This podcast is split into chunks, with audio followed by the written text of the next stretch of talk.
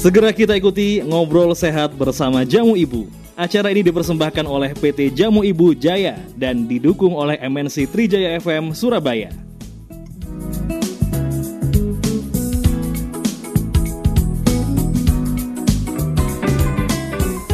Apabila Anda terlalu letih, kurang istirahat, tidur larut malam, dan makan sembarangan yang tidak sehat, hal tersebut menyebabkan menurunnya daya tahan tubuh dan berbahaya bagi kesehatan liver. Ayo, minum Kurmino Plus Neo dari Jamu Ibu.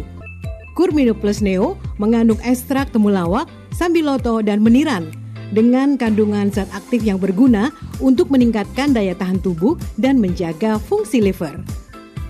Kurmino Plus Neo dikemas dalam kapsul ekstrak yang praktis, tanpa pengawet dan pewarna sehingga aman untuk dikonsumsi.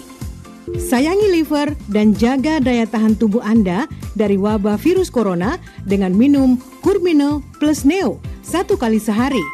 Kurmino Plus Neo dari Jamu Ibu. Selamat sore pendengar Trijaya, apa kabar Anda sore hari ini? Tetap semangat dong ya, terutama untuk Anda yang menjalankan ibadah puasa.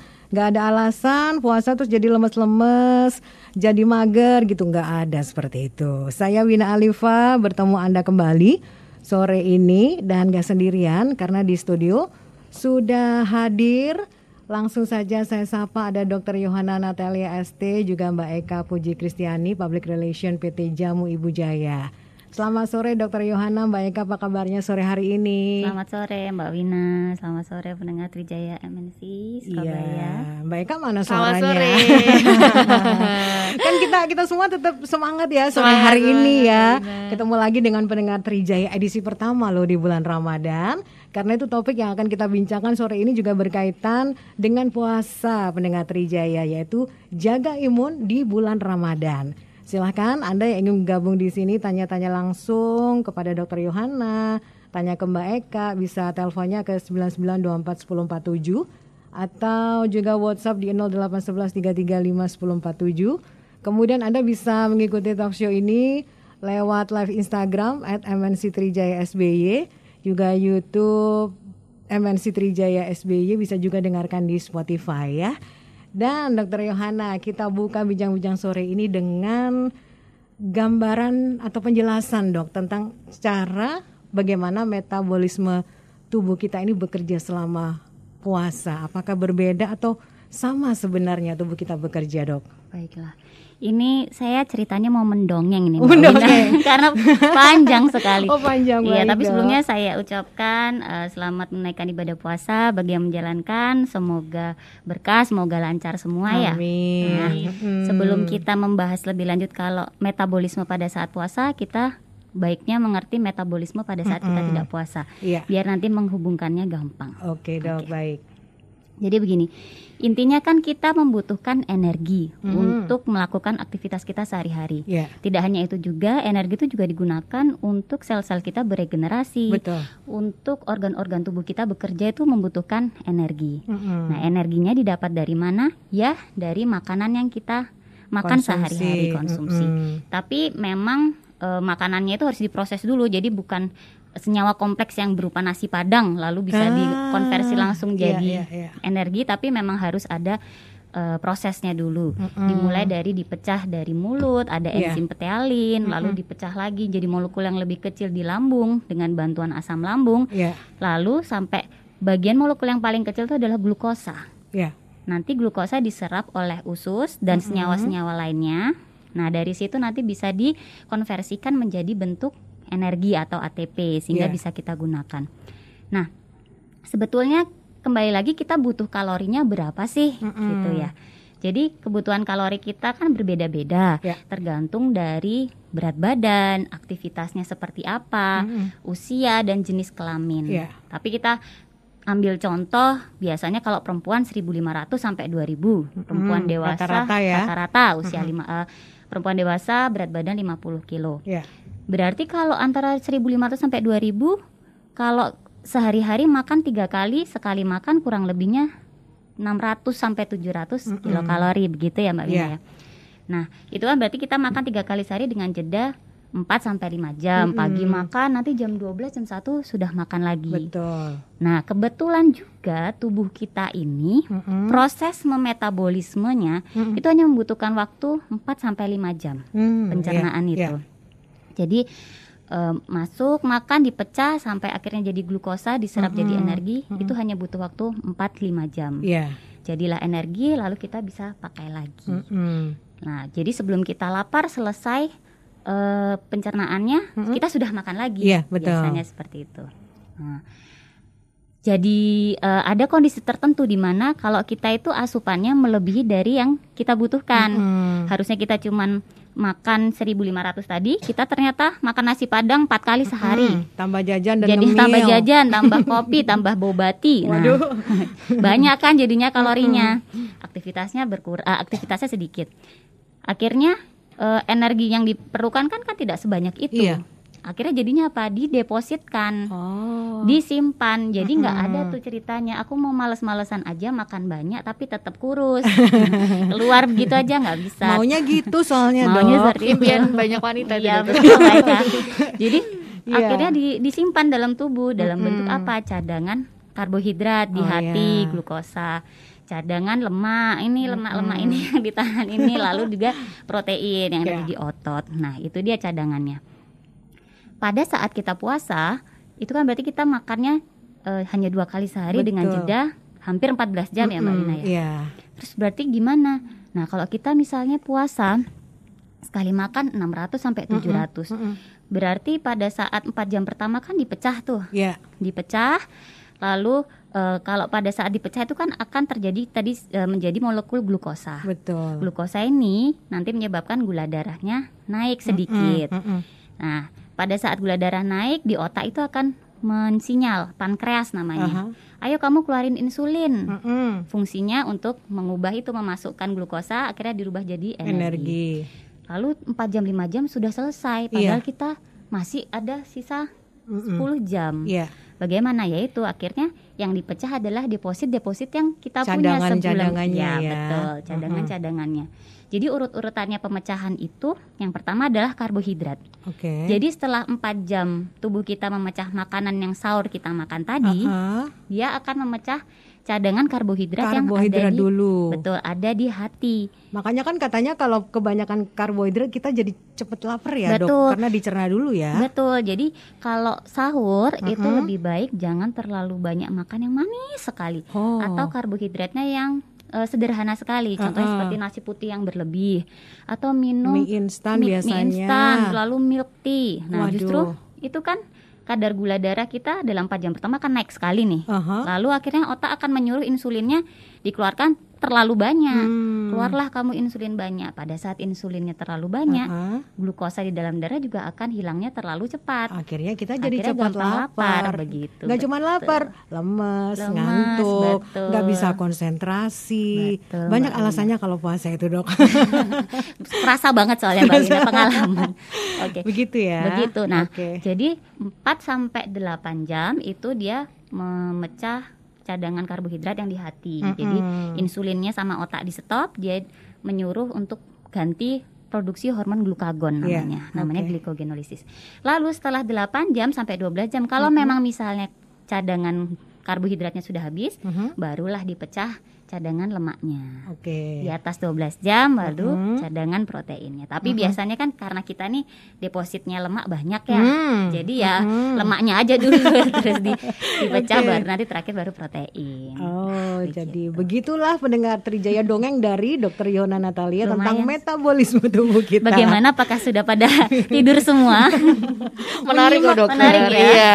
Menyimak dengan baik dong yang jelas. Nah, kalau berkaitan dengan topik sore ini, dokter, kaitannya bagaimana dok puasa dengan imun tubuh kita? Apakah kalau kita puasa itu imun kita turun? Karena kita kok rasanya lemes, kayak nggak bugar, nggak segereng kalau kalau biasanya itu dok. Gimana Nah, dok?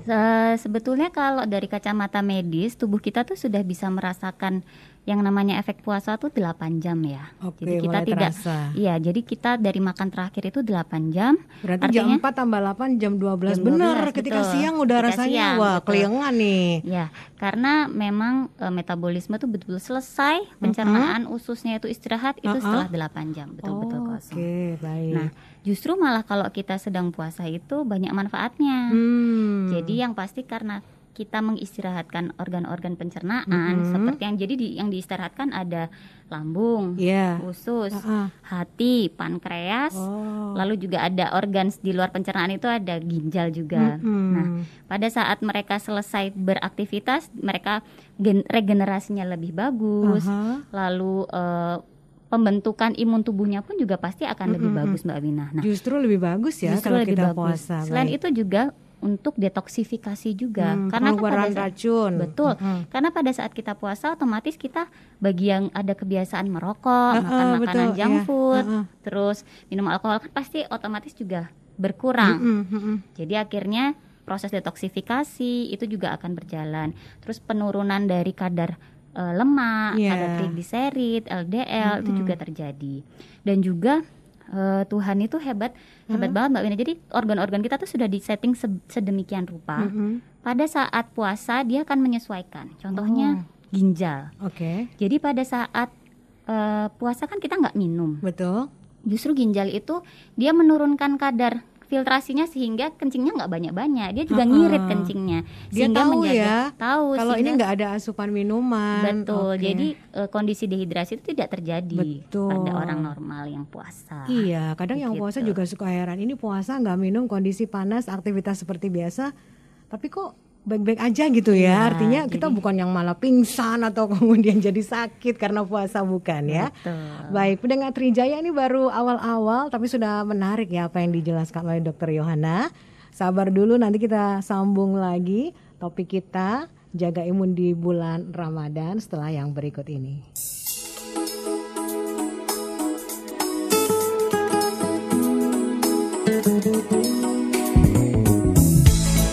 Ngobrol sehat bersama Jamu Ibu akan segera kembali setelah jeda iklan berikut ini.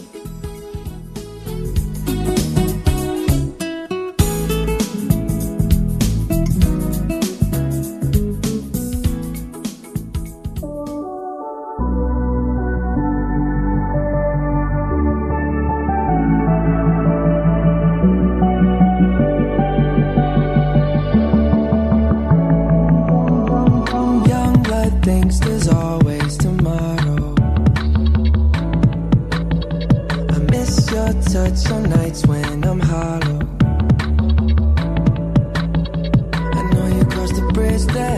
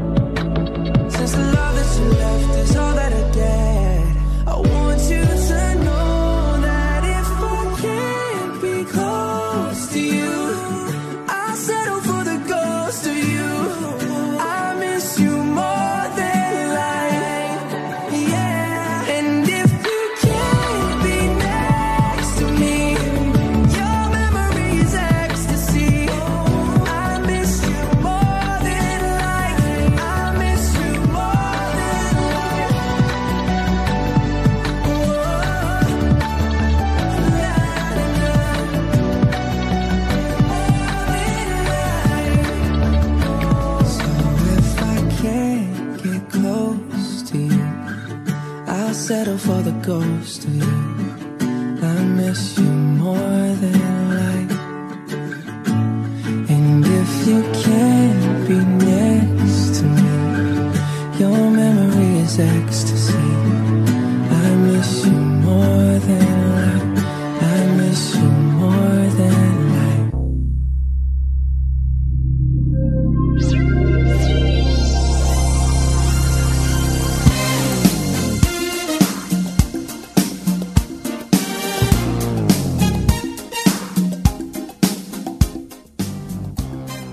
Kembali. Anda ikuti Talk Show Sehat Alami bersama Jamu Ibu.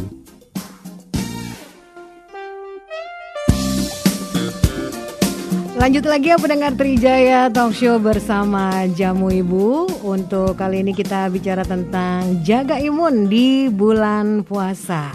Dan kalau tadi di segmen awal Dokter Yohana sudah menjelaskan tentang metabolisme tubuh bekerja selama puasa Bagaimana Kemudian juga apakah puasa menurunkan imunitas tubuh Yang berikutnya kembali saya ingin bertanya pada dokter Yohana tentang bagaimana memenuhi kebutuhan gizi saat berpuasa. Juga kembali saya mengingatkan Anda pendengar Trijaya untuk interaktif Anda bisa telepon ya ke 99241047 atau juga WhatsApp di 0811 335 1047.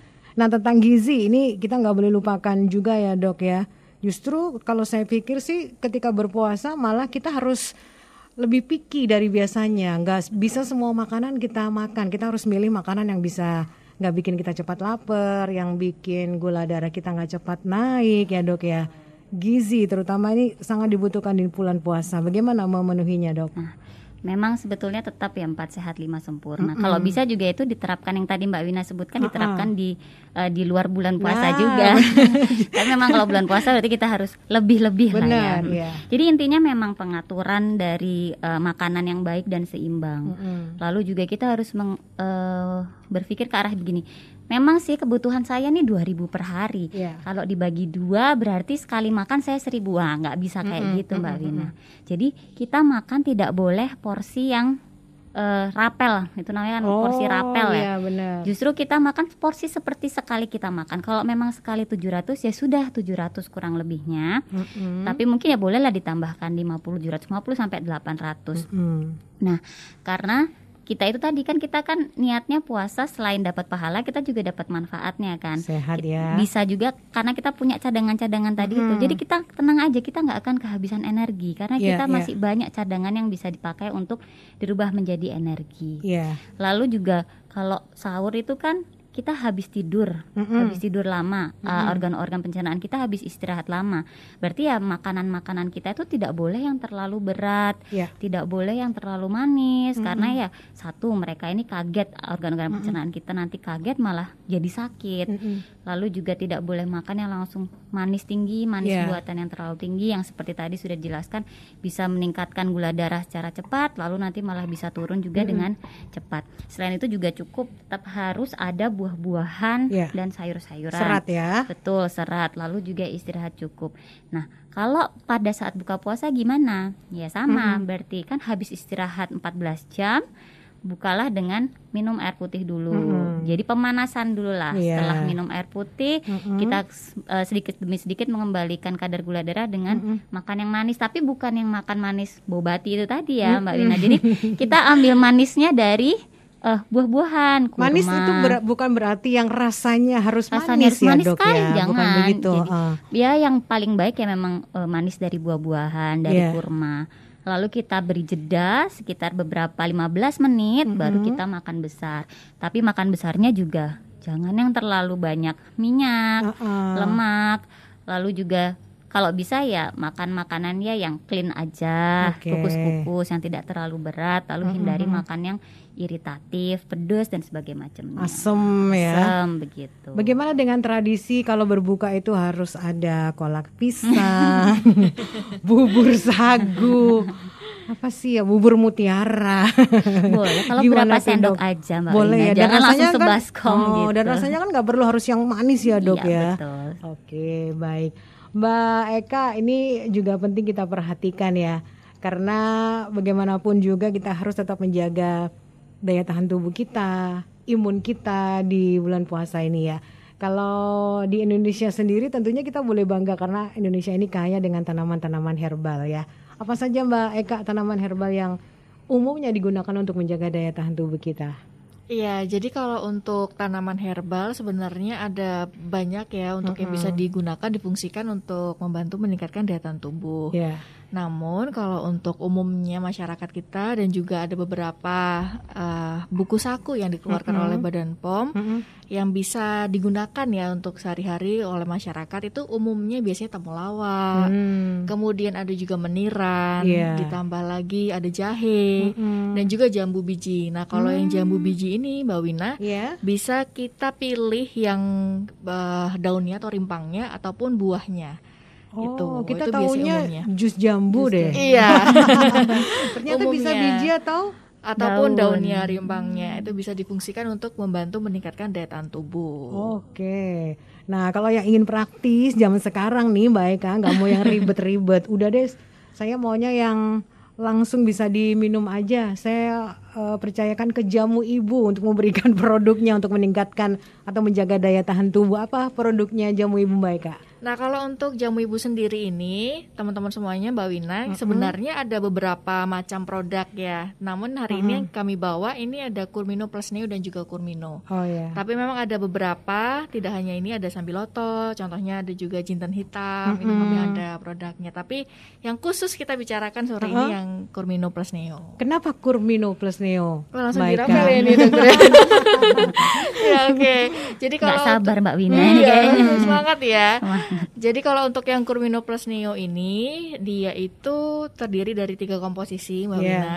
Untuk yang pertama dia ada temulawak, Iya. kemudian yang kedua ada sambiloto, dan yang terakhir ada meniran. Mm-mm. Nah, kalau di mana kalau misalnya tiga herbal ini kalau dipadukan itu eh, bekerja samanya lebih efektif ya untuk membantu meningkatkan daya tahan tubuh.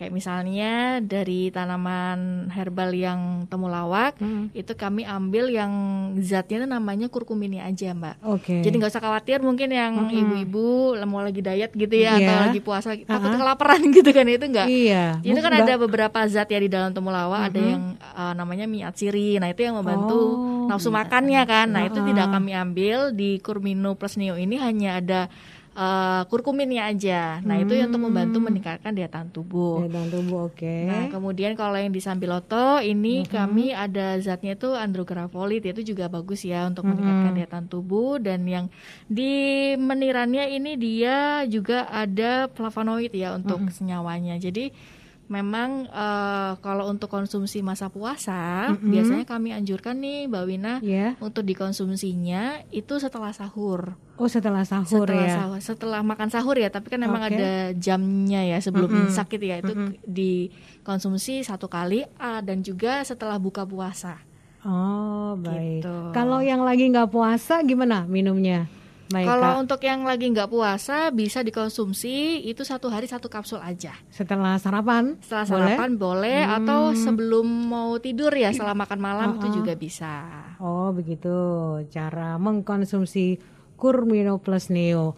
Dok, vitamin, kemudian suplemen, seperti juga tadi yang dicontohkan oleh Mbak Eka, salah satunya adalah Kurmino Plus Neo. Apakah memang penting juga dikonsumsi di saat kita berpuasa, dok? Betul. Jadi vitamin-vitamin dan eh, obat-obatan herbal itu memang apalagi yang tapi kita kembali lagi ya harus sesuai dengan BPOM. Apa maksudnya sudah disetujui oleh BPOM dan eh, memang sesuai isinya tidak ada campuran obat-obatan lainnya yang berbahaya. Iya. Itu memang penting karena eh, suplemen-suplemen itu adalah sebagai antioksidan. Sedangkan antioksidan ini mengurangi atau memerangi dari oksidan-oksidan yang pengaruhnya buruk buat kesehatan kita. Iya. Jadi kalau memang oksidannya sudah bisa ditekan, maka pembentukan imun dan kesehatan pasti akan lebih baik dan lebih terjaga pastinya, Mbak Wina. Hmm, Oke, baik. Mbak Eka, kalau ada yang tanya lebih detail lagi, apa sih manfaat yang bisa langsung saya rasakan ya, terutama ketika puasa ini kalau saya mengkonsumsi Kurmino Plus Neo, apakah jadi nggak mudah capek, nggak mudah lemes, gimana Mbak Eka? Iya, jadi kalau dari kami Kurmino Plus Neo kan herbal ya Mbak Bina ya. Jadi memang nggak bisa langsung cospleng oh langsung Oh, saya iya. bertenaga gitu ya buat langsung angkat barang-barang berat gitu nggak gitu. Jadi memang Tambah serem kalau gitu. Iya, butuh proses. Namun apabila dikonsumsi secara rutin, yang pastinya ini bisa membantu meningkatkan daya tahan tubuh teman-teman semua, terutama yang lagi puasa dan di masa pandemi juga. Oh ya. Jadi ini kan memang agak spesial dan khusus ya Mbak. Wina ya. Tidak hanya berpuasa saja, tapi juga kita masih menghadapi pandemi di mana daya tahan tubuh ataupun imunitas tubuh kita itu perlu dan diperhatikan lebih baik lagi dibandingkan seperti biasanya. Baik. Nah, tentang pandemi, dokter sudah disinggung oleh Mbak Eka. Apa saja yang perlu kita perhatikan ketika puasa di masa pandemi ini, dok? Sebetulnya eh, nggak terlalu berbeda jauh ya. Paling cuman pada saat eh, behavior kita pada saat sahur bersama Oke. atau buka bersama ya kan sekarang sudah mulai agak turun pasti ajakan-ajakan sudah mulai banyak Ya. ya tetap kita harus nomor satu protokolnya jaga jarak dan juga makannya mungkin kalau bisa ya gantian tapi ya susah juga ya Susah. Sama susahnya kalau kita bukber tapi nggak boleh ngomong gitu. iya itu dia ada aturan baru tapi ya ya sudahlah kita jalani saja ya Mbak Wina Iya. cuman ya memang eh, ada di luar hal itu tuh yang lebih menarik eh, lebih lebih baik kita ulas yaitu Mm-mm. pada kondisi-kondisi tertentu bolehkah kita puasa Nah, sebetulnya oke, baik kalau ya. iya kalau orang normal kan sebetulnya yang diwajibkan puasa adalah yang Sehat. mampu yang Mm-mm, sehat Betul. tapi kadang juga ada orang-orang yang punya kondisi medis tertentu tetap mau ikut puasa. Nah, ini kita bahas dulu.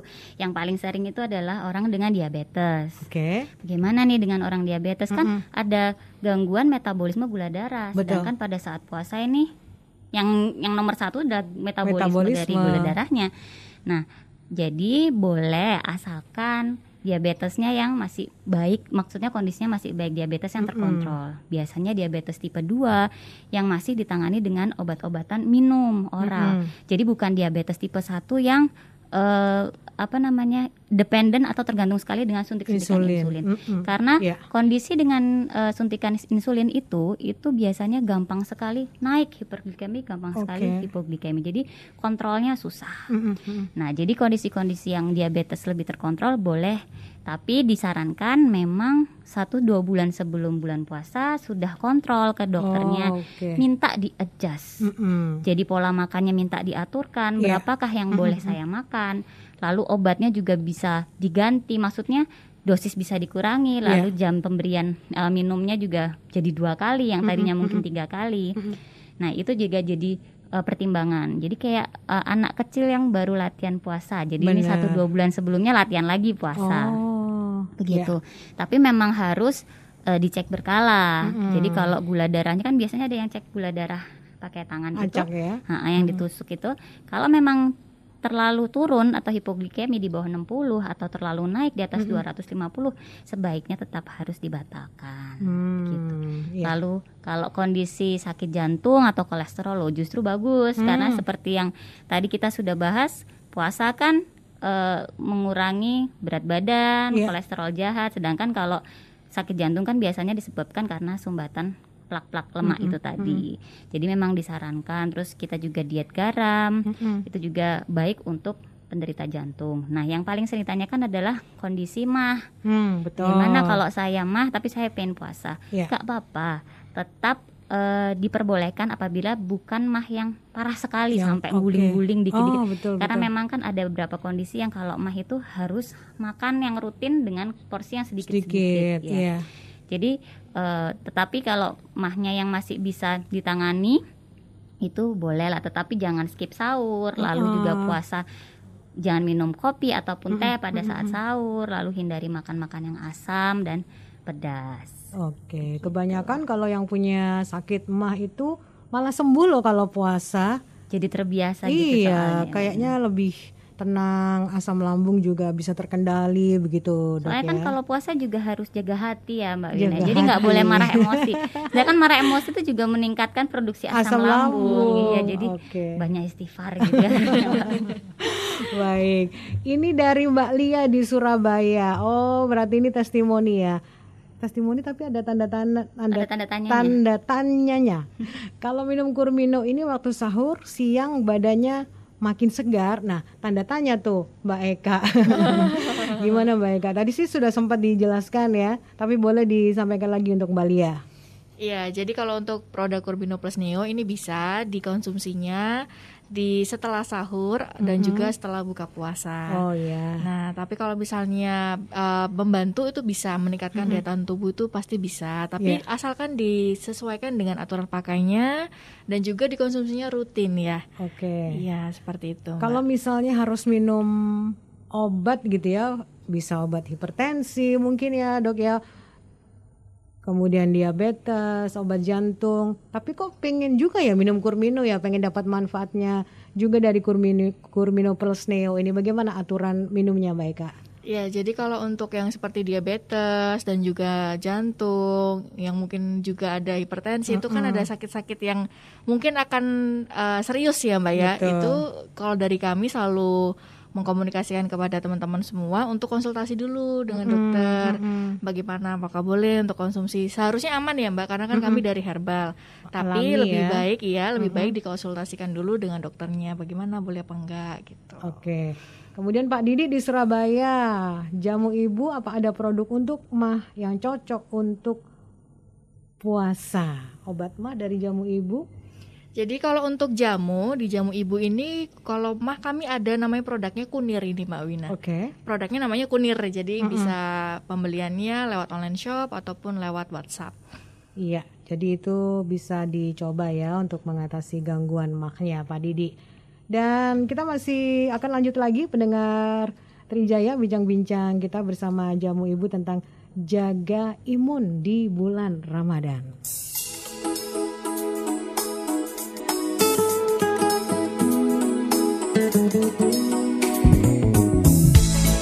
Ngobrol sehat bersama Jamu Ibu akan segera kembali setelah jeda iklan berikut ini.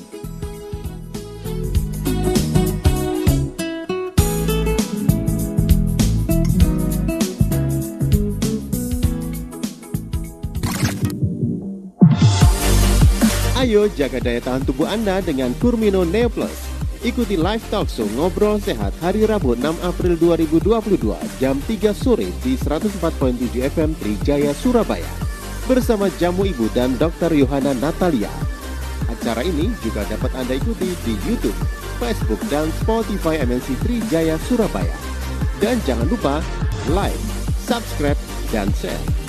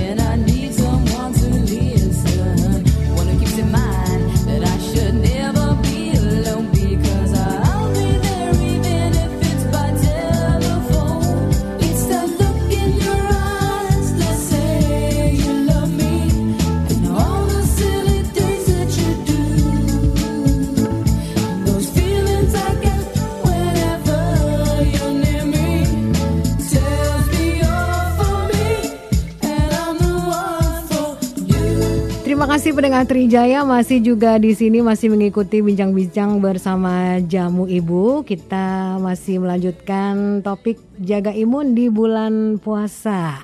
Anda masih punya waktu untuk berinteraksi lewat telepon di 199241047 atau juga WhatsApp di 08113351047. Anda juga bisa mengikuti talk show ini lewat Instagram dan YouTube at MNC Trijaya SBY. Bisa juga mendengarkan lewat Spotify. Dan di Instagram sudah ada yang bertanya dari C4K413K untuk meningkatkan daya imun jamu apa yang bagus saat dikonsumsi bulan Ramadan. Dan ini memang yang sedang kita bicarakan ya Eka ya. Silakan diperjelas lagi Mbak Eka. Iya, jadi kalau untuk produk jamu ibu, kami memang punya beberapa produk, tapi untuk yang hari ini kami bawa ini namanya Kurmino Plus Neo. Ya. Jadi kami sarankan bisa dikonsumsi waktu bulan puasa dan juga selama pandemi untuk membantu meningkatkan daya tahan tubuh. Oke. Karena ini tadi pertanyaannya adalah jamu, mungkin bentuknya ada yang jamu, jamu serbuk begitu apakah ada? Iya, jadi kalau yang Kurmino Plus Neo ini, teman-teman semuanya, dia bentuknya kapsul ya. Jadi satu botol ini ada 30 kapsul di dalamnya. Oke. Nah, kami juga punya eh, produk nama brand besarnya itu Ibu Natural Drink. Ada juga varian itu yang temulawak, jahe, itu juga bisa dikonsumsi waktu mau buka puasa. Iya. Ada juga yang variannya itu kulit manggis original, Hmm. itu juga bisa dikonsumsi. Ada eh, bahkan juga ada yang ini Mbak Wina Ah, bikin kreasi gitu dari Ibu Natural Oh. Drink dijadikan eh, buka puasa itu ya Ah, bisa di mix, dessert, dikasih puding, buah. iya, oh, benar benar gitu. benar. Iya ya. Sementara ibu natural drinknya sendiri sebenarnya itu sudah seger gitu ya untuk buka puasa, tapi boleh dikreasikan dengan bahan-bahan minuman lainnya. Jadi jamu modern. Ah, Iya. baik. Ada telepon kita terima. Selamat sore. Selamat sore, Ya, dari ibu siapa ini? Soliha. Ibu? Soliha, Ibu Soliha, silahkan Bu Soliha. yang saya tanyakan itu pada umumnya kan jamu itu yang kalau orang dulu itu kan pahit-pahit ya, Mm-mm. ekstrak jadi manis-manis. Yang mau saya tanyakan itu rasa manis yang ada di jamu. Bahan itu ini terbuat dari apa? Apa gula asli atau tambahan gula apa gitu? Mm-mm. Itu Terus kayak biasanya kan ada kalau ibu apa jamu gendong, ibu gendong biasanya nah, itu, itu kan kayak pahitan, Mhm. pahitan menurut pahit ya, tapi buat kesehatan bagus sekali. Buat Iya. bagus. baik. Ya terus apa di jamu ibu tidak memproduksi semacam itu yang di apa ya di ekstrak ya. Mm-mm. Itu aja terima kasih. Baik, terima kasih Bu Soliha. Agak kurang bagus koneksinya tapi secara garis besar kita bisa menangkap ya. Untuk rasa manis yang ada di Ibu Natural Drink itu gula alami, gula buatan, gula jadi-jadian. Gimana Iya, Ega? Ibu Soliha nggak usah khawatir, gula asli pasti. Asli, ya, oh. karena kalau eh, di kemasan itu tertera ya, Iya. itu gula asli. Jadi memang rasa manisnya dari gula. Mm-mm. Gitu. Baik, kemudian juga Bu Soliha ini suka masih suka minum jamu gendong, pahitan, rasanya pahit tapi bagus untuk kesehatan. Kalau di jamu ibu ada nggak yang seperti produk jamu pahitan yang biasa dikonsumsi Ibu Soliha? Iya, jadi kalau untuk jamu ibu itu ada, Mm-mm. Bu Soliha. Jadi untuk yang pahitan pun ada. Mm-mm. Jadi kalau misalnya kita ngomong tiga kategori besar produk dari jamu ibu ini ada tiga sebenarnya. Yang pertama Iya. yang produk tradisional, yang kedua produk modern, yang ketiga ini yang ibu natural drink itu. Nah yang tradisional ini yang masih rasanya pahit, kemudian diseduh, itu kami masih ada semua. Nah kalau misalnya untuk informasi lebih lanjut produknya ada apa aja gitu Iya. ya, itu bisa langsung WhatsApp ke kami Mm-mm. ataupun bisa li- lihat langsung di online shop. Oh iya. Di online shop eh, Shopee, Tokopedia dan lain sebagainya sudah tersedia. Itu ada produknya apa saja. Kalau di WhatsApp Uh-uh. kami ada program namanya ini ya Mbak Wina itu home delivery service. Mm-mm. Nah, tinggal WhatsApp ke kami, nanti Nomor- kami kirim e-katalog. Oke. Itu udah lengkap eh, untuk harganya, kemudian untuk komposisi di produknya itu apa, nama produknya apa, khasiatnya apa itu udah, udah tertera di situ semuanya. Baik, nomor Jadi WhatsAppnya? tinggalnya di WhatsApp 081 Ya. 2367 Mhm. 79 79. Oke. Baik, lanjut lagi ya untuk penanya berikutnya dari Pak Rahmat di Mojokerto mau tanya reaksi jamu ibu saat dikonsumsi itu berapa lama? Ini badan saya sedang drop. Kemudian Mbak Sabila di Sidoarjo hampir mirip dengan pertanyaan Bu Soliha tadi ya, jamu ibu yang manisnya, yang ada manisnya apa bisa dikonsumsi oleh penderita diabetes? Berarti ibu natural drink ya. Silakan Mbak Eka dua pertanyaan. Iya, jadi kalau untuk yang ibu natural drink memang kan eh, diikat dengan gula asli kan ya, Mbak. Kalau untuk penderita diabetes kami sarankan eh, tidak dikonsumsi ya karena kan rasanya manis. Iya. Jadi kalau misalnya mau yang varian temulawak bisa langsung konsumsi yang Kurmino Plus Neo ini aja untuk Oke. da- eh, menjaga daya tahan tubuhnya. Hmm. Nah, kemudian kalau untuk yang eh, produk yang satunya itu ya, Mbak Mina. Mm-mm. Itu pertanyaannya terkait dengan ini ya, apa tuh namanya? Reaksi jamu- Reaksinya. Mm-mm, berapa nah, kalau lama? untuk reaksi sebenarnya karena ini kan herbal ya, jadi kita butuh waktu, tidak bisa yang langsung cespleng. Tapi apabila dikonsumsi secara rutin itu ya biasanya sih harusnya sih dua minggu udah kelihatan kalau untuk Oh. membaik ya keadaannya. Hmm, begitu Pak Rahmat lagi drop kenapa ini ya kecapean kah mungkin asupan mungkin tubuh kita menyesuaikan ya dok ya awal-awal puasa masih lemes-lemes begitu ya baik dok juga sekarang ini kan pemerintah membuat aturan kalau untuk yang mau mudik harus, vaksin booster. iya aman nggak dok kalau vaksin booster di saat bulan puasa seperti sekarang ini Sebetulnya kalau mau vaksin intinya adalah kondisinya harus stabil. Mm-mm. Jadi yang punya sakit pun puasa atau tidak puasa itu boleh divaksin kalau dia sedang tidak dalam kondisi penyakitnya yang kambuh sehingga dia drop. Yang punya diabetes tetap tetap boleh divaksin kalau memang dia eh, baik-baik saja rasanya dan eh, gula darah terkontrol, hipertensi pun juga terkontrol maksimal 170. Nah, kalau memang pada saat puasa kan memang kita biasanya sebelum vaksin makan dulu gitu. Iya, Karena sarapan. memang eh, pada saat vaksin itu adalah proses tubuh kita membuat antibodi. Mm-mm. Nah, pada saat pembuatan antibodi itu memang membutuhkan energi yang lebih, Iya. ya. Tapi eh, pada saat kita puasa energinya dapat dari mana? Wong kita makannya sahur. Itu Mm-mm, lagi kembali ke depositnya kita. Iya. Karena kita tuh masih punya plenty banyak sekali Hmm. deposit-deposit di tubuh kita yang Iya. bisa untuk diubah menjadi energi. Jadi jangan khawatir. Hmm. Memang pasti akan ada yang namanya kipi efek Iya. samping. Tapi tidak sampai langsung kita menjadikan itu sakit Iya. atau apalagi yang sampai malah jadi positif Hmm. atau malah jadi eh, sakit yang lain tiba-tiba muncul karena ya memang eh, kita sendiri sudah ada cadangannya juga gitu Mbak Wina. Jadi sebetulnya aman. Hmm. Aman Dan ya. vaksin pun juga terbuat dari komposisi atau DNA RNA dari virus yang sudah mati. Jadi Hmm, tidak mungkin kita bisa jadi sakit positif setelah divaksin. Hmm. Kalau untuk masalah alergi, apalagi ini booster, berarti kan yang pertama kedua sudah pernah divaksin. Mm-mm. Kalau selama tidak ada gejala yang sampai ada anafilaktik misalnya karena alergi, tidak apa-apa, tidak Hmm. Oke. masalah, aman untuk dilakukan vaksin. Baik, dan vaksin booster ini dosisnya setengah kan ya dok ya? Ya, jadi tergantung ya kan Oh. ada yang hetero, heterolog ya itu. Mm-mm. Jadi vaksin 1 2 dengan yang booster jenisnya berbeda. Mm-mm. Ah, itu memang biasanya setengah dosisnya karena penelitian memang menyebutkan dosis setengah saja sudah cukup Iya. untuk meningkatkan titer antibodi. Mm-mm. Nah, tapi memang ada beberapa vaksin seperti contohnya Sinovac. Sinovac boleh diberikan yang homolog sama dengan Sinovac. Aha. Itu dosisnya atau Sinovac, Mm-mm. dosisnya tetap harus satu full dose untuk meningkatkan titer antibodi. Jadi memang Oh. itu semua sudah melalui eh, penelitian-penelitian Iya. yang sudah di apa namanya sudah dicatat dan sudah dipublish juga. Oke, baik. Mbak Eka kasih info juga dong tentang harga Kurmino Plus Neo nih biar pendengar Trijaya juga bisa dapat informasi yang jelas tentang harganya, Mbak. Iya, jadi kalau untuk harga Kurmino Plus Neo ini kami sertakan yang range harga ya Mbak ya. Itu biasanya di pasar dari 55.000 sampai 62.000 rupiah. Itu jadi eh, untuk pembelian juga mudah sekali teman-teman semuanya bisa melalui online shop ataupun juga lewat program kami yang home delivery service. Iya. Oke. Baik, kemudian ini dari Bu Dani. Lucu juga nih pertanyaannya. Supaya tahan lapar bagaimana ya caranya?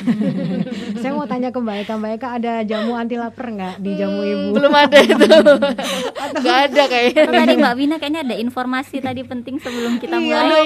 iya, benar. Saya juga sekalian mau tanya nih ke dokter ada informasi yang beredar sampai viral loh dok. Katanya kalau minum oralit saat sahur itu jadi nggak cepet lapar.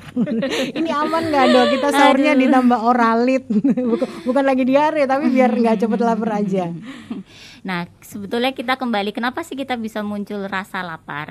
Itu kalau memang sudah ada tanda-tanda gula darah di dalam tubuh kita yang turun, Iya. jadi drop ya. Nah, gula darah kita tadi kan sudah kita bahas dapatnya dari mana? Dari karbohidrat, dari protein, dari lemak yang Iya. kita makan itu. Nah, di dalam oralit kan nggak ada semua itu mbak Wina itu kan memang hanya oke lah ada natrium ya jadi kalau memang biasanya untuk menggantikan elektrolit kita yang kurang memang boleh nggak apa-apa nggak nggak nggak menyakitkan juga boleh Oke. tapi Murah lagi ya, murah ya? lagi tapi sebetulnya tidak ada sinkronisasi terus akhirnya jadi nggak lapar tapi ya mungkin karena penduduk Indonesia sugestif gampang sekali tersugestif Gitu ya. ya Mbak Wina jadi akhirnya oh iya ya saya jadi nggak lapar soalnya minumnya 2 liter Aduh. oralitnya jadi kenyang Kalau saya tahu kok eh, jamu biar nggak lapar, jamunya itu namanya adalah niat. Nah, bener sih? Kalau udah niat, dapatnya susah tapi kayaknya nah itu dia harus bener-bener dibangun niatnya dari Betul. awal ya. Jadi boleh-boleh saja ya dok ya. Iya. Oke, baik. Nah, Mbak Eka bisa diinformasikan juga untuk media sosial kalau misalnya ada informasi yang kurang jelas bisa didapat di mana informasinya Mbak Eka? Iya, jadi kalau ada pertanyaan bisa langsung kontak ke customer service kami itu di via WhatsApp ya Mbak Wina. Di nomornya berbeda dengan yang home delivery service. Iya. Untuk WhatsApp eh, customer service bisa di nomor 081 2525 081 27. Mm-mm. Dan juga media sosial kami yang apa, ada itu Instagram di Jamu Ibu namanya. Facebook juga sama Jamu Ibu, kemudian juga ada YouTube Jamu Ibu dan juga website kami di www.jamuibu.com. Nah, biasanya anak yang muda-muda ya suka TikTokan gitu kan ya. Kami juga ada di TikTok gitu Waduh. ada di Siapa Jamu yang kira-kira yang tampil di TikToknya Jamu Ibu ya? bisa dicek langsung Oh, ya, baik. bisa juga pembelian lewat situ Mbak Wina. Oh iya.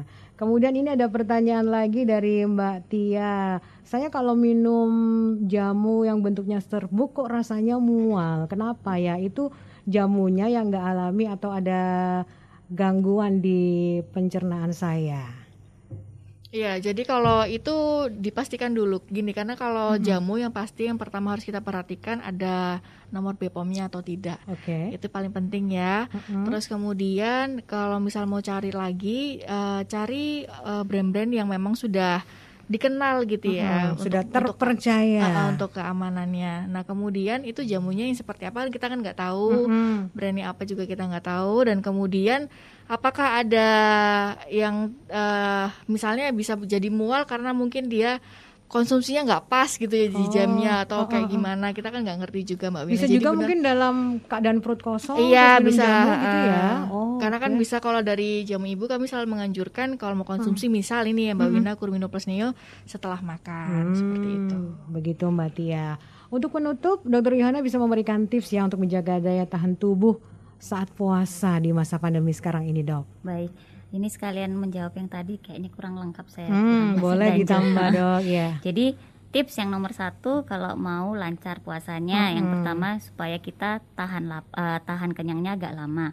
Berarti sahurnya kita makan karbohidrat yang kompleks. Ya. Jadi jangan yang terlalu sederhana karena terlalu sederhana seperti Indomie atau misal eh, saya sebut merek seperti mie. Disensor kok, Dok, otomatis. mie atau eh, nasi putih kan cepat diurai. Iya. Jadi cepat lapar. Jadi konsumsilah yang eh, seperti roti gandum Oke. atau nasi eh, beras merah atau beras coklat, beras hitam itu dia akan diprosesnya dicernanya lebih lama. Lebih lama. Tahan lamanya di perut lebih lama. Jadi kita akan lama kenyangnya. Iya. Nah, selain itu juga tetap kita harus konsumsi vitamin dan eh, penunjang lainnya Iya. supaya untuk meningkatkan imbus tubuh kita selama eh, kita itu puasa karena pada saat puasa kita pasti dehidrasi. Iya. Kita pasti eh, kekurangan energi secara tidak langsung ya walaupun Mm-mm. tadi kita sudah bahas bahwa masih ada cadangan-cadangan yang lainnya.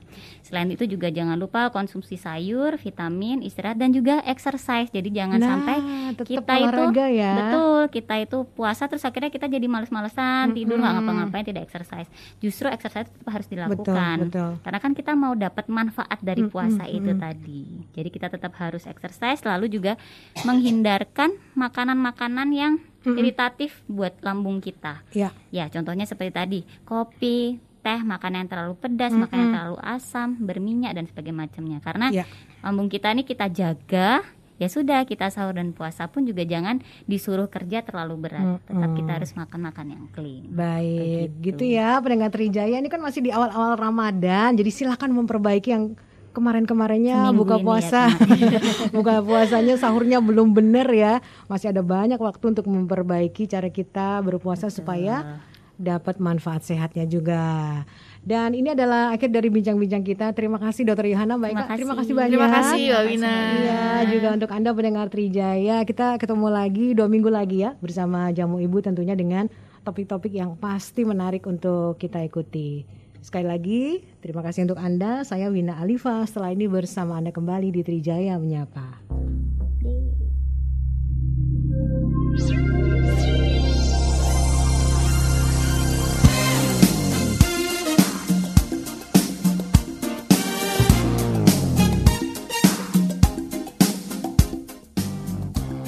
Telah Anda ikuti Talk Show Sehat Alami bersama Jamu Ibu